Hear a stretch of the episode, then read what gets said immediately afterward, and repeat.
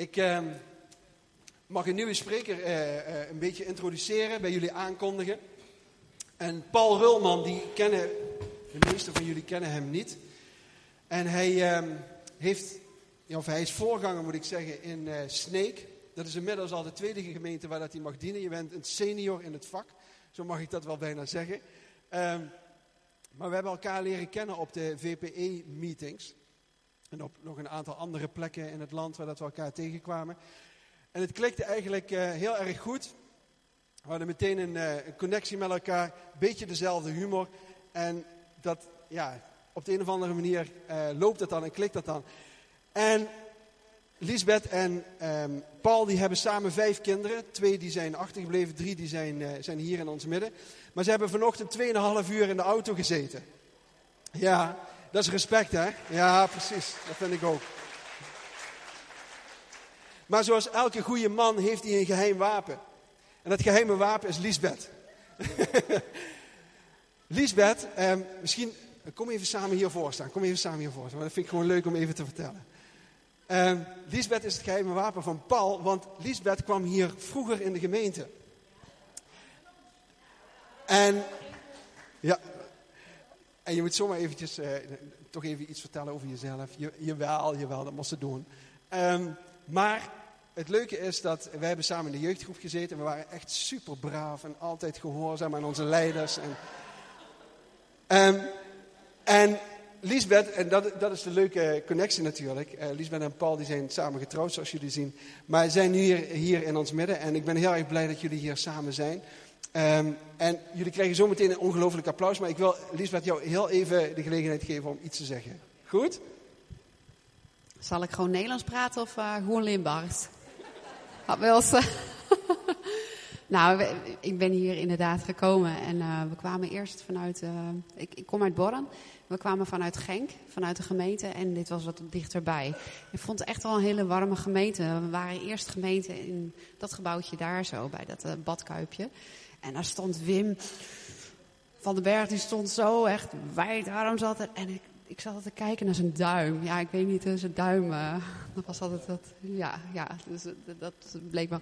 Maar zijn passie voor God was zo ontzettend enorm, dat dat bruiste er gewoon af. Dat, dat kon ik gewoon niet stilstaan op dat podium. Dus dat vergeet je ook gewoon nooit meer. Ik mis hem ook echt. Ik vind het gewoon jammer dat hij er niet meer is. Nou ja, goed, en uh, nou ja, Royal Rangers. Ik ging altijd met Jan in de auto. Hele verhalen. Ik had het idee dat het heel uh, lang rijden was. Maar dat is maar een kwartiertje vanaf Borren af naar hier. Maar uh, goed, het, het, was gewoon een, ongelofelijke tijd als kind zijnde. En uh, helaas, mijn ouders zijn gescheiden. We hebben een hele moeilijke tijd gehad. Het is voor mij ook wel heel confronterend om hier te komen.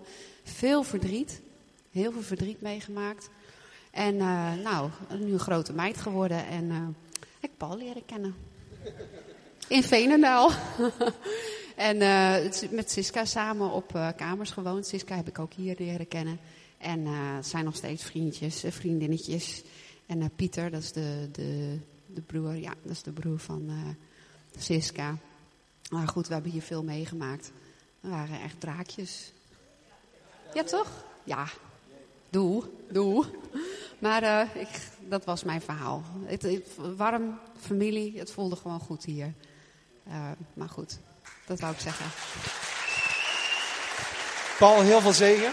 En uh, we gaan genieten van je, van je van de prediking. En we kijken er naar uit. Zo Paul nog een applaus geven? Zegen man.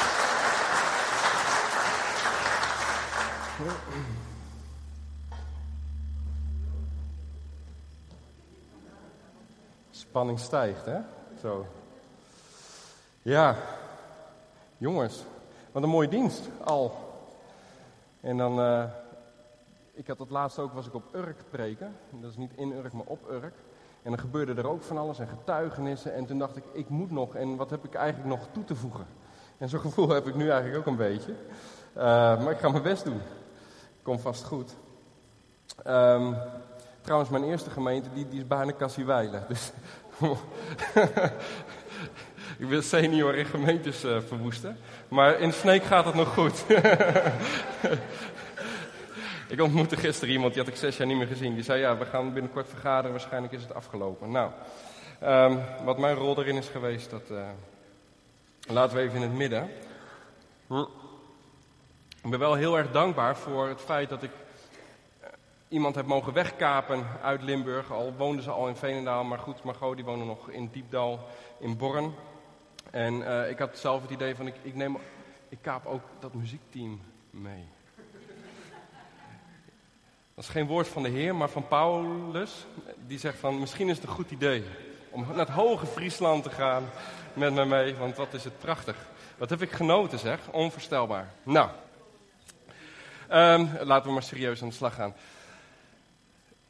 Dienstbaar zijn zonder hoogmoedig te worden. Eigenlijk is dat een beetje raar, hè? want ik, ik ben namelijk de meest nederige persoon op aarde. En op het moment dat ik dat zeg, dan ben ik al meteen hoogmoedig. Hè? En dat, dat is natuurlijk iets heel erg lastig. Wij weten allemaal namelijk dat we als christen nederig horen te zijn. En vooral onze leiders zijn uitblinkers in nederigheid. Als het goed is. Dus blijf rustig zitten, Bart. En hoe moet je dat nou met elkaar doen? En het woord, hè, wat, wat Jan ook net deelde uit Matthäus 7, behandel anderen zoals je wilt dat ze jou behandelen. Um, dat zegt iets over relatie, dat zegt iets over samen optrekken. En soms is dat juist ook in een gemeente wel heel erg lastig. Ik kom zelf nu net uit een situatie waarin we twee weken terug een uh, mediator hebben ingevlogen van de VPE. Om tussen mij en de voorzitter tussen beiden te komen. Ik had ruzie met hem. Of hij met mij. Ik vind eigenlijk dat hij de schuldig is. Um, en we zaten met het complete oudste team zaten we aan tafel. En, en wij waren beschuldigingen aan het heen en weer pingpongen. En ik vond dat hij eigenlijk wel wat nederiger, nederiger mocht zijn naar mij toe. En op het moment dat ik dat dacht, dacht ik, oh ja, ik moet nederig zijn. Maar wat houdt dat nou precies in? Hoe houdt dat, wat houdt dat in als je in relatie staat tot je partner, tot vrienden, tot kringleiders, tot muziekleiders? Hoe, hoe verhoudt zich dat binnen teams waarin je samenwerkt? de nederigste zijn. Want we weten allemaal, het is een, een opdracht wat God geeft in zijn woord. Maar hoe doe je dat nou? En Jezus die, die is degene die, denk ik, meester is in nederigheid. Terwijl als je aan Jezus denkt, is hij juist degene die de allerhoogste plaats verdient. En wij vinden het soms lastig om onze plaats te weten. Ik had vorige week zaterdag had ik een feestje uh, van iemand die is miljonair. Heeft alles al. Liet net zijn nieuwe katamaran in Sneek bouwen. En um, ik dacht van nou, wat, wat zal ik voor die man kopen? Dus ik ben naar de Gal en Gal gegaan. Ik denk ik haal de wijn die ik lekker vind, tientje per fles. Die ik normaal gesproken nooit drink, maar als ik echt lekker, nou tientje, dat is wel voor mij duur. Ik denk ik haal er twee voor hem. Dus ik kom aan met die, met die zak bij hem thuis. En het was mooi ingepakt. En hij neemt het aan, zet het aan de kant, maakt het niet eens open. Hij zegt, nou daar is een lekker paella en een uh, heerlijke lasagne van eendenconfijt en ga lekker eten. En hier staat de wijn. En ik draai me om naar de wijntafel en ik zie twintig exact dezelfde flessen die ik net aan hem cadeau heb gegeven. En er stond echt voor duizend euro aan wijn op die tafel. En ik dacht, wat is mijn plek? binnen dit gezelschap. Er zaten vastgoedmannen eh, en er zaten eh, advocaten, architecten. En ik zat daar als, uh, nou ik denk ik noem het nog dominee, dan klinkt het nog een beetje wat. Um, en dan zit je dan in zo'n gezelschap. De nederigste te zijn, simpelweg omdat zij meer poen hebben. En naarmate de, de middag vorderde, de avond aanbrak, had ik gesprekken met mensen. Luisterde ik naar mensen hoorde ik verhalen aan.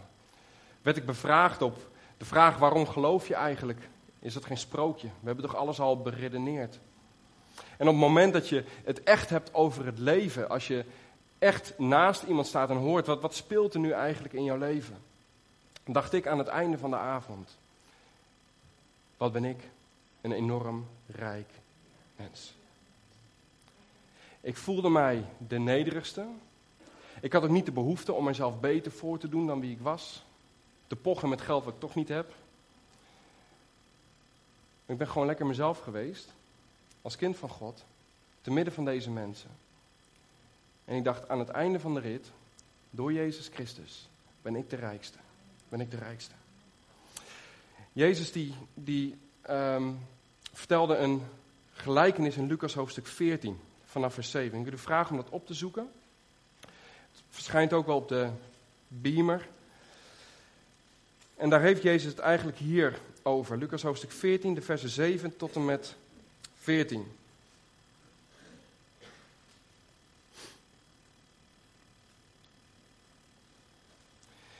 Jezus zegt daar het volgende. Hij vertelde de genodigden een gelijkenis. Want hij had gezien hoe ze de ereplaatsen voor zichzelf kozen. En hij zei tegen hen: Wanneer er door iemand wordt uitgenodigd voor een bruiloft, kies dan niet de ereplaats, want misschien is er wel iemand uitgenodigd die voornamer is dan u. En dan moet, u uw gast, dan moet uw gastheer tegen u zeggen: Sta uw plaats aan hem af. Dan zult u beschaamd de minste plaats moeten innemen. Als u wordt uitgenodigd, kies dan de minste plaats, zodat uw gastheer tegen u zal zeggen: Kom toch dichterbij. Dan wordt u eer betoond en overstaan van iedereen die samen met u aan tafel aanligt. Want wie zichzelf verhoogt, zal vernederd worden. En wie zichzelf vernedert, zal verhoogd worden. Zo'n Bijbels principe.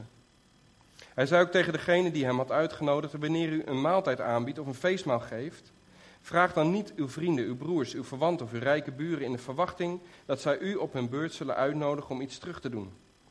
Wanneer u mensen ontvangt, nodig dan armen, kreupelen, verlamden en blinden uit. Dan zult u gelukkig zijn. Ze kunnen voor u dan wel niets terugdoen, maar u zult ervoor worden beloond bij de opstanding van de rechtvaardigen. Zover. Nou, ik ben gewend als ik de Bijbel heb gelezen, om dan even te bidden. Is dat goed? Lieve Vader, ik, uh, ik ben gewoon zo ontzettend dol op uw woord. Ik ben u zo dankbaar dat u uw woord heeft gegeven. Heer, en ik ben u dankbaar ook, Heer, dat uh, we er vanochtend bij stil mogen staan. Heer, dat we erin mogen lezen, Heer, dat we eruit mogen leren. Heer, en we willen beleiden, Heer, zoals we eigenlijk het moment net al hebben gehad, dat we uw Heilige Geest nodig hebben. Nee, ik wil beleiden dat ik uw Heilige Geest nodig heb. Heer, en daar waar we het gezongen hebben, willen we het opnieuw benoemen. Heilige Geest van God, vul opnieuw ons hart. En snijd uw woord recht. In Jezus' naam. Amen. Dienen. Dienen ligt, um, lijkt, lijkt tegenovergesteld met belangrijk zijn. Toch? Het lijkt wel alsof als je op het moment dat je dient, dan wil je zorgen dat je niet eigenlijk in de picture staat. Dat je niet op de voorgrond komt te staan. Je wilt graag de, de minste taak hebben en dat niemand ziet. Dus het lijkt alsof dienen en belangrijk zijn heel ver uit elkaar staan. En als u kijkt naar deze voetballer, ik weet niet wie een beetje voetbalgek is, maar wie weet welke voetballer dit is? Ja? Van Manchester City? Ja, Marcus Rashford hè, is dat. Zo'n dribbelaartje. Die uh, mooie acties maakt. En um, als het goed is, geeft hij juist die laatste paas, zodat de spits, Aguero bijvoorbeeld, hem erin trapt. En ik zag hem laatst voetballen, waarin hij meesterlijke bewegingen deed, eigenlijk. En voor de goal kwam en niet paaste. Of een hele foute paas gaf. En ik zag zijn mede-teamgenoten, zag ik echt op een gegeven moment heel erg boos worden. Ondanks de prachtige acties die hij had, was het resultaat nul op dat moment, in die wedstrijd. Dus iedereen was boos op die man. Hij kon belangrijk zijn. Maar hij wilde zich niet dienstbaar instellen voor zijn team. In ieder geval tijdens die wedstrijd. En ik denk dat dat eigenlijk voor ons allemaal wel geldt. We, we leren van alles. En vooral in de gemeente. En als ik kijk naar deze gemeente, ja, er komt heel wat goeds uit, deze gemeente. Ik ben onbevooroordeeld, maar er komt heel wat goeds uit deze gemeente. Waarin gaven ontwikkeld worden. Waarin mensen ruimte krijgen. Waarin mensen belangrijk mogen zijn. Prachtig. Maar dat aspect van dienstbaarheid hoort daarbij. Want anders is het leeg, dan is het een lege huls. Als de pianist denkt, ja, ik, ik ben heel belangrijk en ik ben heel erg goed, dus ik speel wat ik zelf wil. Dan heb je je team niet mee. Dan kun je belangrijk zijn, maar je bent niet meer dienstbaar. En in een gemeente is dat soms wel spannend. Nou, Jezus die spreekt over drie plekken die je kunt innemen. Als het gaat om de tafel. En de eerste plek is eigenlijk de belangrijkste plek. En Jezus spreekt hier de Fariseërs aan. En de Fariseërs waren eigenlijk de mensen die gingen voor directe behoeftebevrediging. op het moment dat zij hun daden, hun religieuze daden deden, dan hadden ze daarbij de gedachte: als iedereen het ziet, heb ik mijn loon direct al. Als iedereen ziet hoe goed ik mijn werk doe, dan heb ik directe bevrediging. Dan voel ik me beter over wie ik zelf ben. Kijk mij eens de wet goed houden. Kijk mij eens goed bezig zijn met Gods woord. Kijk mij eens de meest briljante theologische thema's uitwerken en er een toepassing op vinden om het volk mee te slaan. En Jezus zegt over deze fariseeën die de belangrijkste plek zoeken, dat die belangrijkste plek eigenlijk een plek is waar je van af kunt vallen. Dat het een plek is waar de gastheer op een gegeven moment zegt: Je hebt een mindere plek. Wat jouw plek is, wat jouw plaats is. En er zal schaamte over jou heen komen. De belangrijkste plek, dat is de eerste plek. De andere plek waar Jezus over spreekt, dat is de laagste plek. En dat is de plek waar je zelf voor kiest in de hoop om later verhoogd te worden. In de hoop om later gezien te worden. Dat kun je doen in bedrijven. Toen ik 15 was, begon ik bij de stad met gouden poorten, of de, McDonald's bedoel ik. En um, ja, ik was acht dagen 15 en ik mocht met zo'n zo'n zo'n schepje mocht ik de, de propjes opruimen. En zo langzaam maar zeker kreeg ik meer verantwoordelijkheden. Mocht ik hamburgers bakken. Dat was ook een hele eer. Daarna achter de kassen staan. Op een gegeven moment werd ik manager. En telkens groeide mijn plek naarmate ik meer kon, leiderschapskwaliteiten toonde en gezien werd door mijn leidinggevende. Nou, als het op een hele natuurlijke manier gaat, zonder dat je met je ellebogen werkt, dan is dat heel mooi. Dan krijg je loon naar werken. Dan is er iets wat automatisch in gang gezet wordt. Maar je kunt het ook op een hele negatieve manier doen. Maar Jezus zegt hier over dit principe aan tafel. Van, joh, als jij op de laagste plek zit en de gast hier nodigt jou dan uit en zegt van joh, kom naast me zitten, je krijgt een voorname plek.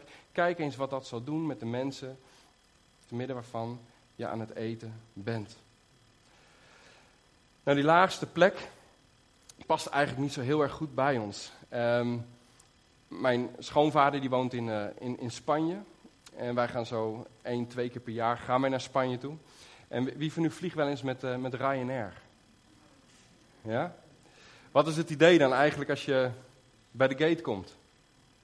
Als je met Ryanair vliegt? Veel, veel? Veel mensen? Ja. Ik zorg altijd dat ik gewoon twee uur van tevoren er al ben. Want ik wil de beste plek in het vliegtuig. Je krijgt geen vaste plek vaak aangewezen. Hè?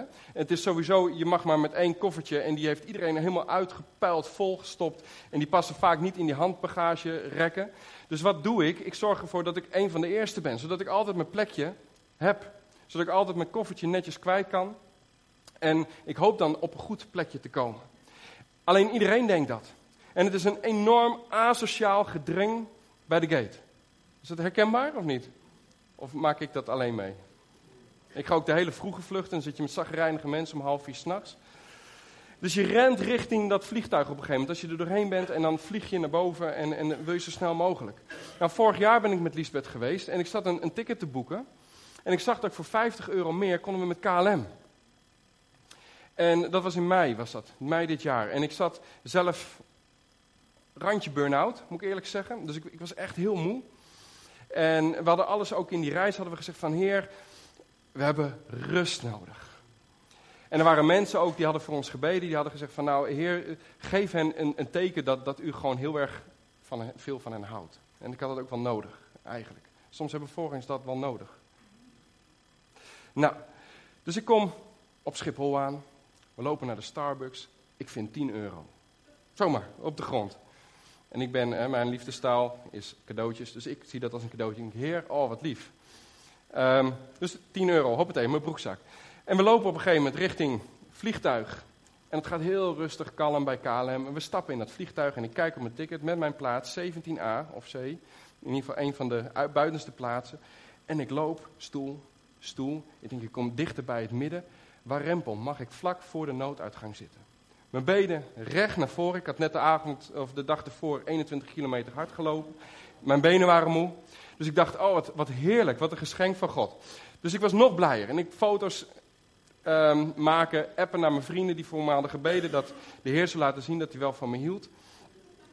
En ik zit daar dan zo. En vervolgens komen er echt van die nette KLM-stewardessen. Met een karretje. En ik denk, Ryanair, ze gaan loodjes verkopen, sigaretten verkopen. Ehm, ze willen mijn geld hebben. Dus ik had tegen Liesbeth gezegd, uh -uh, we moeten zuinig zijn.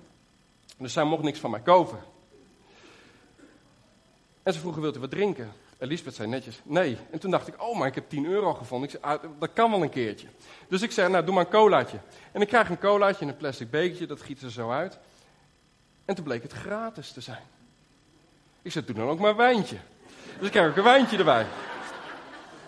En toen zei ik, Liesbeth, het is gratis, je mag wel. Dus Liesbeth kreeg ook, ik zorg verder wel goed voor haar.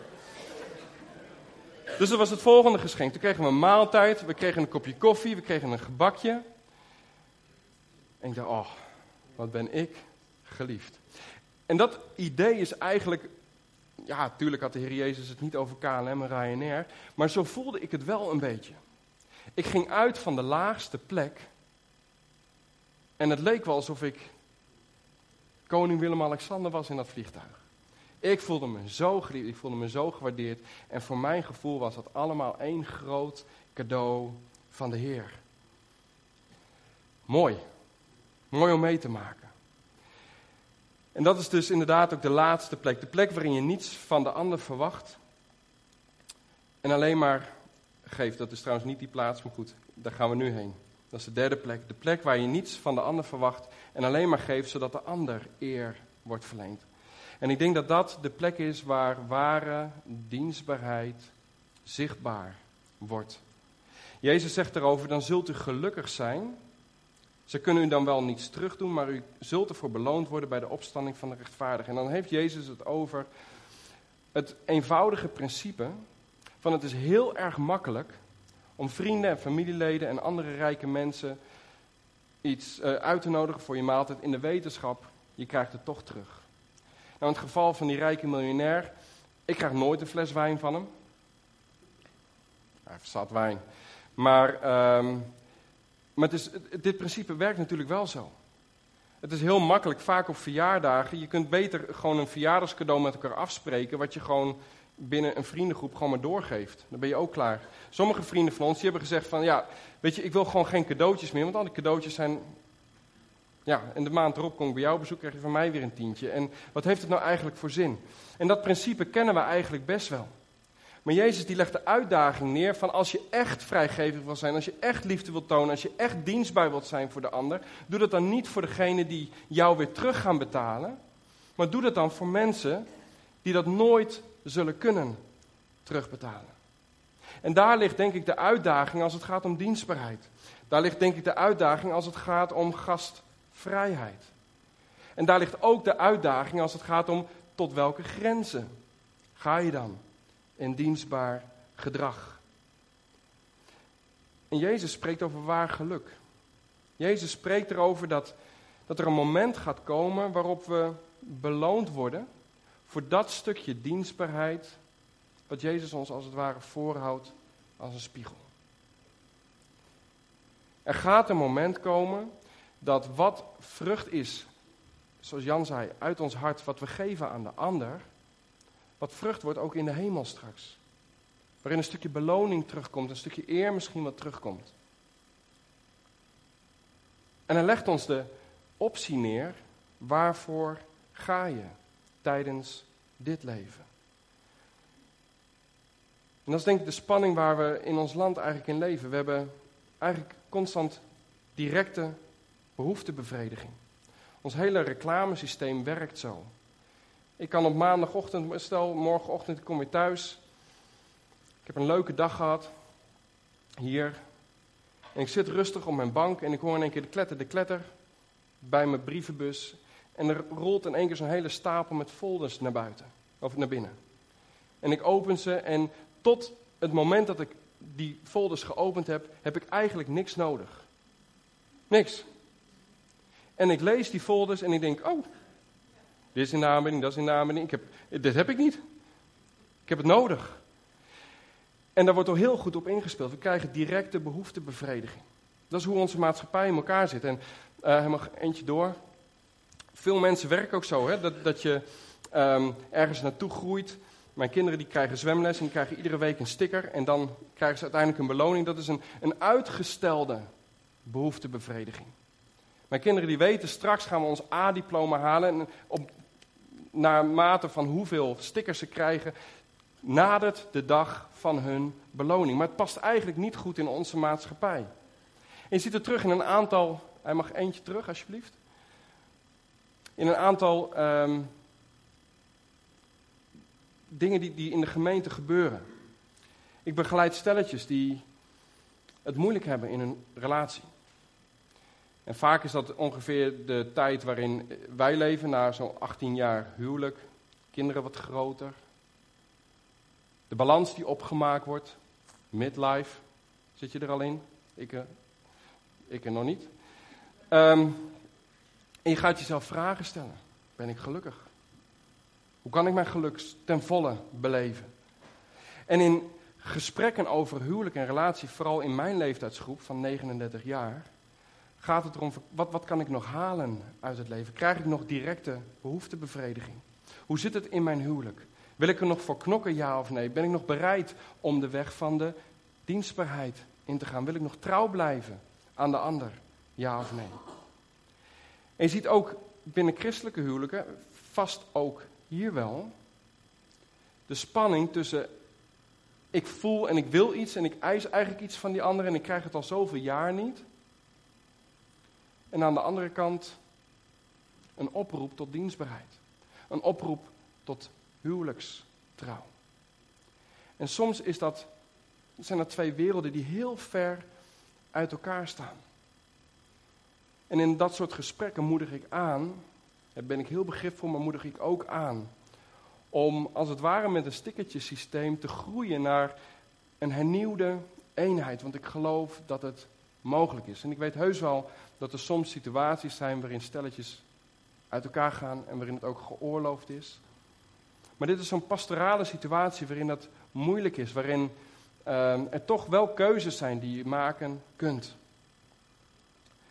De fariseeën zaten in geloof door werken, in tegenstelling tot geduldig vertrouwen op de Heer. Nou, toen ik terugkwam uit Spanje, acht dagen, niet gesport, net voor die vakantie, 21 kilometer hard gelopen, dacht ik, ik ga weer hardlopen, want de maand erop hadden wij een wedstrijd in Sneek. En ik begon te rennen, ik zat op 4 kilometer en het was op in mijn hoofd. Gewoon helemaal leeg. Kon niet meer. Mijn lijf op zich sterk genoeg. Um, mijn conditie op zich genoeg. Maar mentaal zat het gewoon niet goed. En ik meldde me bij mijn voorzitter. En ik zei van, joh, ik, ik word ochtends wakker. Ik heb angst in mijn lijf. Ik durf mijn bed niet uit te komen. ik ben dan bij de huisarts geweest. En ook daar um, kreeg ik de opdracht van, nou, meld je maar ziek. Dus ik ben naar die voorzitter gegaan. En ik heb hem een en ander verteld. Hij zei, nou weet je, we tillen het even over de vakantie heen. Misschien dat in de vakantie de rust een beetje terugkomt. En ik mailde naar mijn oudste en ik lichtte een paar vrienden uh, licht ik in en ik vertelde wat de situatie was. En toen kwamen alle reacties naar mij toe. De eerste reactie was: Paul, in de bediening is het zo dat, dat jij blootstaat aan aanvallen van de Satan. Nou, dat is waar. Soms kan de bezetenheid optreden of bezetting. Ga naar Wilke van de Kamp of iemand anders. En het deed me zo pijn toen ik die mail kreeg. Zo'n pijn. De volgende zei, Paul, um, hier heb je een, hele lijst met Bethel Music concerten. Ga het lezen en voel je je vast beter. Weer een ander zei van, Paul, je hebt een verkeerd godsbeeld. En ik heb hier een aantal preken, een aantal boeken voor je, ga die lezen. En het sneed door mijn hart heen. Waarom? Omdat op het moment dat ik dat zo kreeg en mensen mij zo benaderden, was eigenlijk dit stukje directe beloning. Mensen die me eigenlijk gunden dat het direct wegviel. En op het moment dat ik gewoon eigenlijk in de diepste put zat van die burn-out verschijnselen, las ik Psalm 121. Die staat hier trouwens niet op de PowerPoint. En die begint met: Ik hef mijn ogen op naar de bergen. Waar komt mijn hulp vandaan? En als ik al die mailtjes en al die appjes van vrienden en lieve mensen om me heen moest geloven, dan kwam mijn hulp bij Wilke van den Kamp, bij Bethel Music, bij conferenties, bij Joseph Prince, bij weet ik het waar vandaan. En ik zag mezelf als het ware, en het is zo'n pelgrimspsalm waarmee je met een groep mensen richting Jeruzalem gaat om naar het huis van de Heer te gaan. En ik zag me zo wandelen richting Jeruzalem.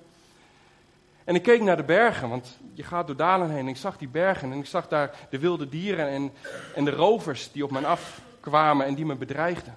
En ik zag op die bergen zag ik ook de offerhoogte.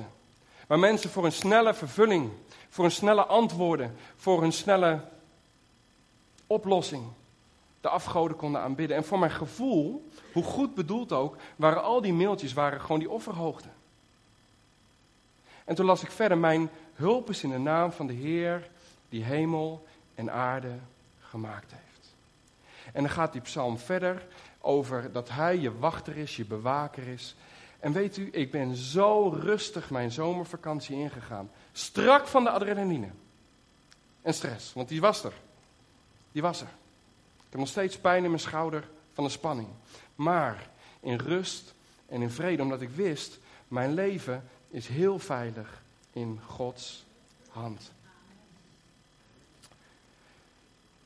Ik heb geleerd daar en toen dat geloven ook inhoudt dat het geduldig vertrouwen is en dat er niet altijd zomaar een zeven stappen boekje is tot herstel. Je moest leren om nederig te zijn. Om vlak na de zomer ook de conflicten in te gaan, want die hadden te maken natuurlijk, of tenminste mijn burn-out verschijnsel hadden te maken met, met dingen die zich afspeelden binnen mijn oudste team onder andere. Waar we heel mooi uit zijn gekomen. Ik moest leren door op God te vertrouwen om daarin nederig te zijn. Zeggen, Heer, hier ben ik en ik weet niet hoe het moet, ik, ik kan het ook niet, maar wilt u het mij maar geven? En dat is zo moeilijk. Omdat ik wilde vechten. Omdat ik wilde winnen. Of omdat ik wilde vluchten. En mezelf al ingeschreven had op meesterbaan en docentenbank. Want ik denk, ik ga weer voor de klas staan. Heerlijk relaxed leven. Ik snap niet waarom leraren staken.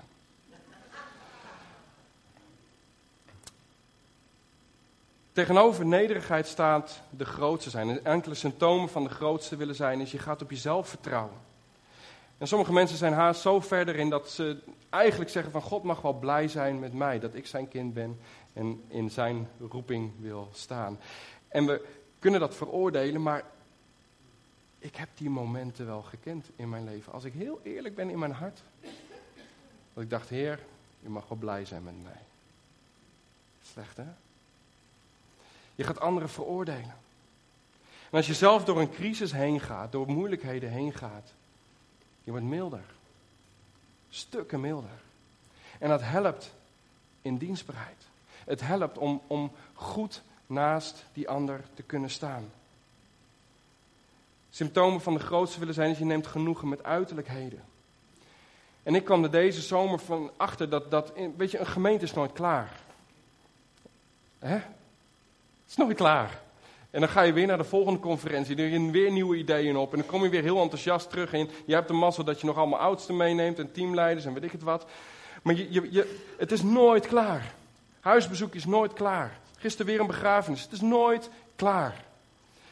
En ik kwam er op een gegeven moment achter dat ik dacht van, ik, ik ben zo hard aan het werk, ik struikel zo meteen gewoon die hemel binnen. En hier ben ik weer. Ik heb het gered. Dat wil ik niet. Dat wil ik niet. Ik wil leren om dienstbaar te zijn. Nou, de vraag is, wat, wat moet je dan doen? Moet je dienstbaar zijn? Hoe, hoe geef je dat handen en voeten? Moet ik mezelf niet ontwikkelen? Mag ik geen zelfvertrouwen hebben? Is God de God die ons gewoon compleet kapot maakt totdat er niks meer overblijft en dan zijn we nuttig? Ik denk dat God ons heel veel geeft. Ik weet niet of u de wereld doorgekeken heeft deze week. Het ging over 75% van de insecten zijn gestorven. Zorgelijk. En dan hoor ik wetenschappers vertellen hoe ze dat kunnen fixen. En dan denk ik, briljant.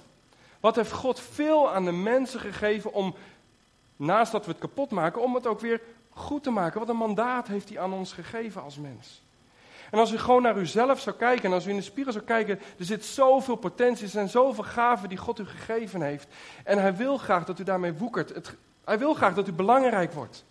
Dat je de mooiste solo's maakt op het voetbalveld, op welk gebied dan ook. Dat je belangrijk wordt. Dat je het verschil maakt. En iedereen heeft een groep mensen om zich heen bij wie je het verschil kunt maken. Dus wees heel belangrijk. Ouders, wees belangrijk voor je kinderen, opa's, oma's. Wees belangrijk voor je kleinkinderen. Sta achter je eigen kinderen die soms het haar uit hun hoofd trekken vanwege die lieve kinderen. Maar God heeft ons een mandaat gegeven. God heeft ons heel veel gegeven en daar mag je in gaan staan. Het is zelfvertrouwen, is weten wie je bent in Christus. Mijn lijftekst is Efeze 2, vers 10. Want zijn maaksel zijn wij in Christus Jezus geschapen. Om de weg te gaan van de goede werken die God van tevoren heeft toebereid. En als ik daarover nadenk, dan zie ik gewoon dat spoor voor mij waar Jezus in mij, mij voorgaat. En waarin hij zegt, stap nou in mijn voetstappen. Luister en zie welke weg ik je wijs. Waarom? Omdat ik in Christus ben. En zelfvertrouwen is je actief bewegen in Gods plan voor deze wereld. Het maakt je belangrijk in dienstbaarheid. En als we kijken naar de Heer Jezus, Jezus deed dit ook. In Efeze, of Filippenzen 2, versen 6 tot 11, dan lezen we het volgende. Hij die de gestalte van God had, hield zijn gelijkheid aan God niet vast, maar hij deed er afstand van. Hij nam de gestalte aan van een slaaf en werd gelijk aan een mens. En als mens verschenen, heeft hij zich vernederd en werd gehoorzaam tot in de dood, de dood aan het kruis. En daarom heeft God hem hoog verheven en hem de naam geschonken die elke naam te boven gaat, opdat in de naam van Jezus elke knie zich zal buigen in de hemel, op de aarde en onder de aarde en elke tong zal beleiden. Jezus Christus is Heer, tot eer van God de Vader. De Zoon van God, de Heilige, de Almachtige, die ervoor kiest om de nederigste te worden. Die ervoor kiest om in onze blubber te gaan staan. Naast ons te gaan staan. Zich de naam Immanuel toe-eigent. God is met ons. Die zijn heerlijkheid aflegt. En belangrijk wilde zijn in dit leven. Door dienstbaarheid. En dat is ons voorbeeld om na te volgen. Laat dan, zegt Paulus, die gezindheid bij u zijn die in Christus Jezus was. Hoe doen we dit? Nederigheid is niet te min over mezelf denken. Nederigheid is beter over anderen denken. Nederigheid is niet mezelf naar beneden halen, maar het is God verhogen. Nederigheid is niet mijn kracht negeren, maar het is open en eerlijk zijn over mijn zwakheden. Nederigheid is inzien dat ik zonder Christus niets kan, maar met Christus alles. Alles. Lieve mensen, wat zijn wij rijk? Onvoorstelbaar rijk in Christus Jezus. Amen.